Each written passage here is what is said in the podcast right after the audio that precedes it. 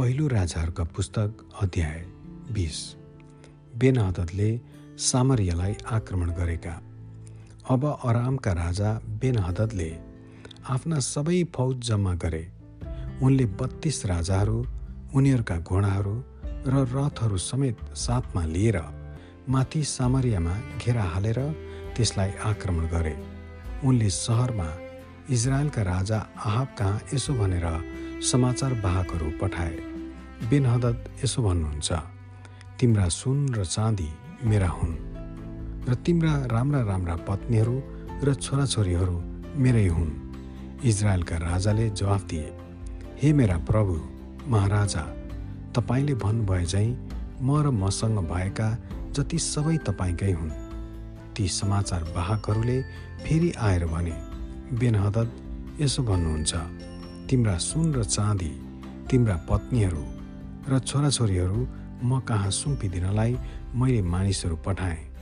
तर भोलि यही बेला म र मेरा अधिकारीहरूलाई तिम्रो राजमहल र तिम्रा अधिकृतहरूका घरहरू तलासी गर्न पठाउनेछु।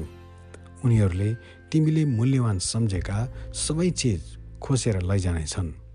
इजरायलका राजाले देशका सबै धर्मगुरुहरूलाई बोलाइ पठाए र तिनीहरूलाई भने तपाईँहरू देख्दै हुनुहुन्छ। कि यो मानिसले त झगडाको न्यु मात्र खोज्दैछ। त्यसले मेरा पत्नीहरू मेरा छोराछोरीहरू र मेरा सुन चाँदीहरू दाबी गर्दा मैले इन्कार गरिनँ। सबै धर्मगुरुहरू र मानिसहरूले जवाफ दिए। तिनको कुरा नसुन्नुहोस्। तिनले मायाका कुरामा तपाईँ सहमत नहुनुहोस्। यसै कारण तिनले बेनहदतका समाचार वाहकहरूलाई यो जवाफ दिए। मेरा प्रभु महाराजालाई यसो भन। महाराजाका पहिलोपल्टका मागहरू म सबै दिनेछु तर यो माग म पुरा गर्न सक्दिनँ। तिनीहरू गए र बेनहदतलाई यो जवाफ दिए। तब बेनहदतले आहाबलाई अर्को समाचार पठाए। ध्वंस गरेको सामरियाको बाँकी धुलो मेरो हरेक मानिसलाई एक एक मुठी दिन पनि पुग्यो भने देवताहरूले मलाई त्यस्तै व्यवहार अथवा त्योभन्दा पनि कठोर व्यवहार गरून्। इजरायलका राजाले जवाफ दिए तिनलाई भन कवाच भेर्ने मानिसले त्यो फुकाल्ने मानिसले चाहिँ घमण्ड गर्नु हुँदैन है। बेरहदत र अरू राजाहरू आफ्ना पालहरूमा मध्य पिरहेका थिए। तब त्यो समाचार उनले सुने र उनले आफ्ना मानिसहरूलाई आक्रमण गर्नलाई तयार बस भनी हुकुम दिए अनि उनीहरूले त्यो सहर आक्रमण गर्न तयार गरे। आहावले बेनहदतलाई परास्त गरेका। यसै बिचमा एकजना अगमभक्ता इजरायलका राजा आहाब कहाँ आएर घोषणा गरे। परमप्रभु यसो भन्नुहुन्छ के तैँले यो विशाल सेनालाई देख्दैछस्? आजै म त्यो तेरो हातमा सुम्पिदिनेछु र तैँले मनै परमप्रभु हुँ भने जान्नेछस्। आहावले सोधे तर त्यो कसले गर्छ त? अगमभक्ताले जवाफ दिए परमप्रभु यसो भन्नुहुन्छ प्रान्तका सेनापतिहरूका अधिकृतहरूले त्यो गर्नेछन्। तिनले सोधे लडाइँ कसले सुरु गर्नेछ? अगमवक्ताले जवाफ दिए तपाईँले यसै कारण आहावले ती प्रान्तका सेनापतिहरूका दुई सय बत्तीस जवान अधिकृतहरूलाई बोलाइ पठाए। तब तिनले बाँकी इजरायलीहरूलाई भेला गरे। सबै जम्मा सात हजार थिए। मध्य दिनमा बेनहदत र उनका मित्र राष्ट्रका बत्तीसजना राजाहरू आआफ्नो पालमा मध्य पिएर मातिएका बेलामा यिनीहरू निस्के। प्रान्तका सेनापतिहरूका ती जवान अधिकृतहरू पहिले निस्के। अब बेनहदतले चेवा गर्नेहरू पठाएका थिए जसले आएर भने मानिसहरू सामरियाबाट अघि बढिरहेका छन्। उनले भने यदि तिनीहरू शान्तिको निम्ति आएका हुन् भने तिनीहरूलाई जिउँदै पक्र।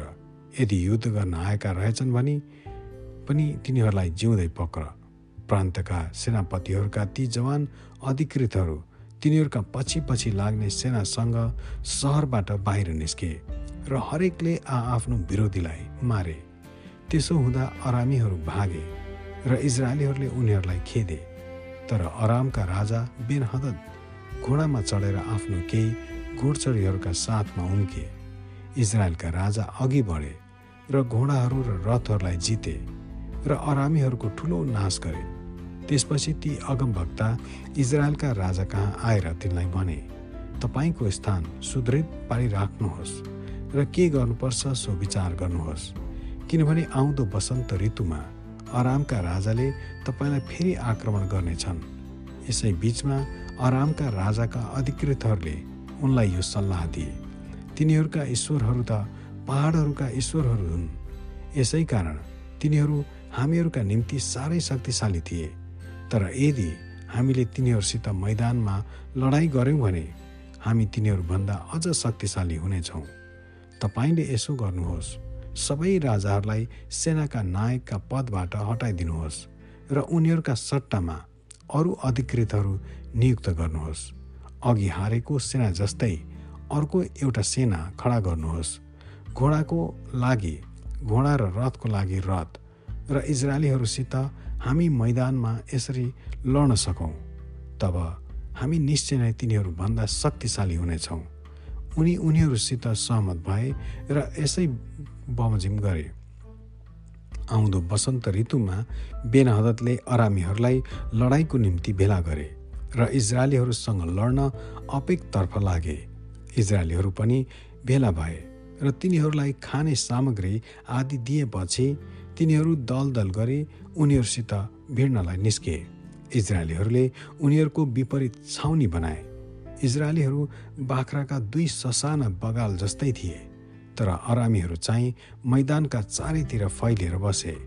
परमेश्वरका जन इजरायलका राजा कहाँ आएर तिनलाई भने परमप्रभु यसो भन्नुहुन्छ। अरामीहरूले परमप्रभु त डाँडाहरूका ईश्वर हुन् बेसीका ईश्वर होइनन् भनी सम्झन्छन्। यसकारण यस विशाल सेनालाई तेरो हातमा सुम्पिदिनेछु र तैँले मनै परमप्रभु हुँ भनी जान्नेछस्। तिनीहरू एक अर्काको विपरीत सात दिनसम्म छाउनीमा नै बसिरहे। सातौँ दिनमा लडाइँ सुरु भयो। इजरायलीहरूले एक दिनमा अरामी पैदल सेनाका एक लाख घाइते बनाए। उनीहरूमध्येका बाँचेकाहरू अपेक सहरमा भागे। जहाँ सहरको पर्खाल भत्केर सत्ताइस हजार माथि ढल्यो। अनि बेनहदत चाहिँ सहरमा भागे र भित्री कोठामा गएर लुके। उनका अधिकारीहरूले उनलाई भने सुन्नुहोस् इजरायलको घरानाका राजाहरू त कृपालु राजमानिसहरू छन् भन्ने हामीले सुनेका छौँ। यसकारण हामी आआफ्नो कम्मरमा भाङ्रा लगाउँ र टाउकोमा डोरी बाँधेर इजरायलका राजा कहाँ जाउँ सायद तिनले तपाईँको प्राण जोगाइदिनेछन्। यसै कारण आफ्ना कम्मरमा भाङ्रा ओढेर र टाउकोमा डोरी बाँधेर उनीहरूले इजरायलका राजा कहाँ गएर भने? हजुरका दास बेनहदत भन्दछन् कृपा गरी मलाई बाँच्न दिनुहोस्। राजाले जवाफ दिए के उनी अझै जीवित छन्? उनी त मेरा दाजै हुन्। ती मानिसहरूले राजाको यस कुरालाई शुभ लक्षण सम्झेर झट्टै त्यही कुरा साँचो ठानेर भने जिउ हजुरको दाई बेनहदत। राजाले भने गएर उनलाई ल्याओ। जब बेनहदत बाहिर निस्केर आए तब आहाबले उनलाई आफ्नो रथमा चढाए। बेनहदतले तिनलाई भने मेरा पिताले तपाईँका पिताबाट लिएका सहरहरू म तपाईँलाई फिर्ता गरिदिनेछु। अनि मेरा पिताले सामरियामा गरे झैँ तपाईँले पनि दमस्कसमा व्यापारका का बजारहरू स्थापित गर्न सक्नुहुन्छ। आहाबले भने सन्धि गरेर ती शर्तहरूमा म तिमीलाई छोडिदिनेछु। यसैले तिनले बेनादतसँग एउटा सन्धि गरे र उनलाई छोडिदिए। एकजना अगमभक्ताले आहाबलाई दोषी ठहराएका। परमप्रभुको वचनद्वारा अगमभक्ताका छोराहरूमध्येका एकजनाले आफ्नो कुनै एउटा साथीलाई भने मलाई तिम्रो हतियारले हिर्काऊ। तर त्यस मानिसले इन्कार गर्यो। तब ती अगमभक्ताले भने तिमीले परमप्रभुको आज्ञा नमानेका हुनाले मलाई छोडेर जाने बित्तिकै तिमीलाई एउटा सिंहले मार्नेछ। अनि जब त्यो मानिस गइहाल्यो तब एउटा सिंहले भेटेर त्यसलाई मार्यो। ती अगमभक्ताले अर्को एकजना मानिसलाई भेटे र भने कृपा गरी मलाई हिर्काउनुहोस्। यसकारण त्यसले तिनलाई हिर्काएर घाइते बनायो। तब ती अगमभक्ता गएर बाटोमा राजालाई पर्खी बसे।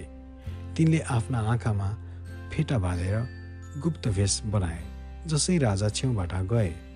तब ती अगमभक्ताले बोलाएर भने हजुर म तपाईँको दास लडाइँको मुखैमा परेको थिएँ र कसैले कोही एकजना कैदी लिएर म कहाँ आएर मलाई भन्यो यस मानिसलाई रक्षा गरिराख। कथम कदाचित यो मानिस भाग्यो भन्यो कि तेरो ज्यान जानेछ कि एक तोडा चाँदी तैँले तिर्नु पर्नेछ जब म कुनै काममा यताउता व्यस्त थिएँ तब हजुर त्यो मानिस त अल्पियो इजरायलका राजाले तिनलाई भने तैँले त आफ्नो इन्साफ आफै गरिस् त्यही नै तेरो इन्साफ हो। तब ती अगमभक्तले झट्टै आफ्ना आँखाबाट त्यो फेटा फुकाए र इजरायलका राजाले तिनलाई अगमभक्तहरूका एकजना रहेछन् भनी चिनिहाले। तिनले राजालाई भने परमप्रभु यसो भन्नुहुन्छ मैले मार्न निश्चय गरेको मानिसलाई तैँले छोडिदिएस्। यसकारण त्यसको प्राणको साटो तेरो प्राण र त्यसको प्रजाको साटो तेरो प्रजा हुनेछ। इजरायलका राजा उदास भए र रिसाएर सामरियामा आफ्नो राजमहलमा गए। आमेन।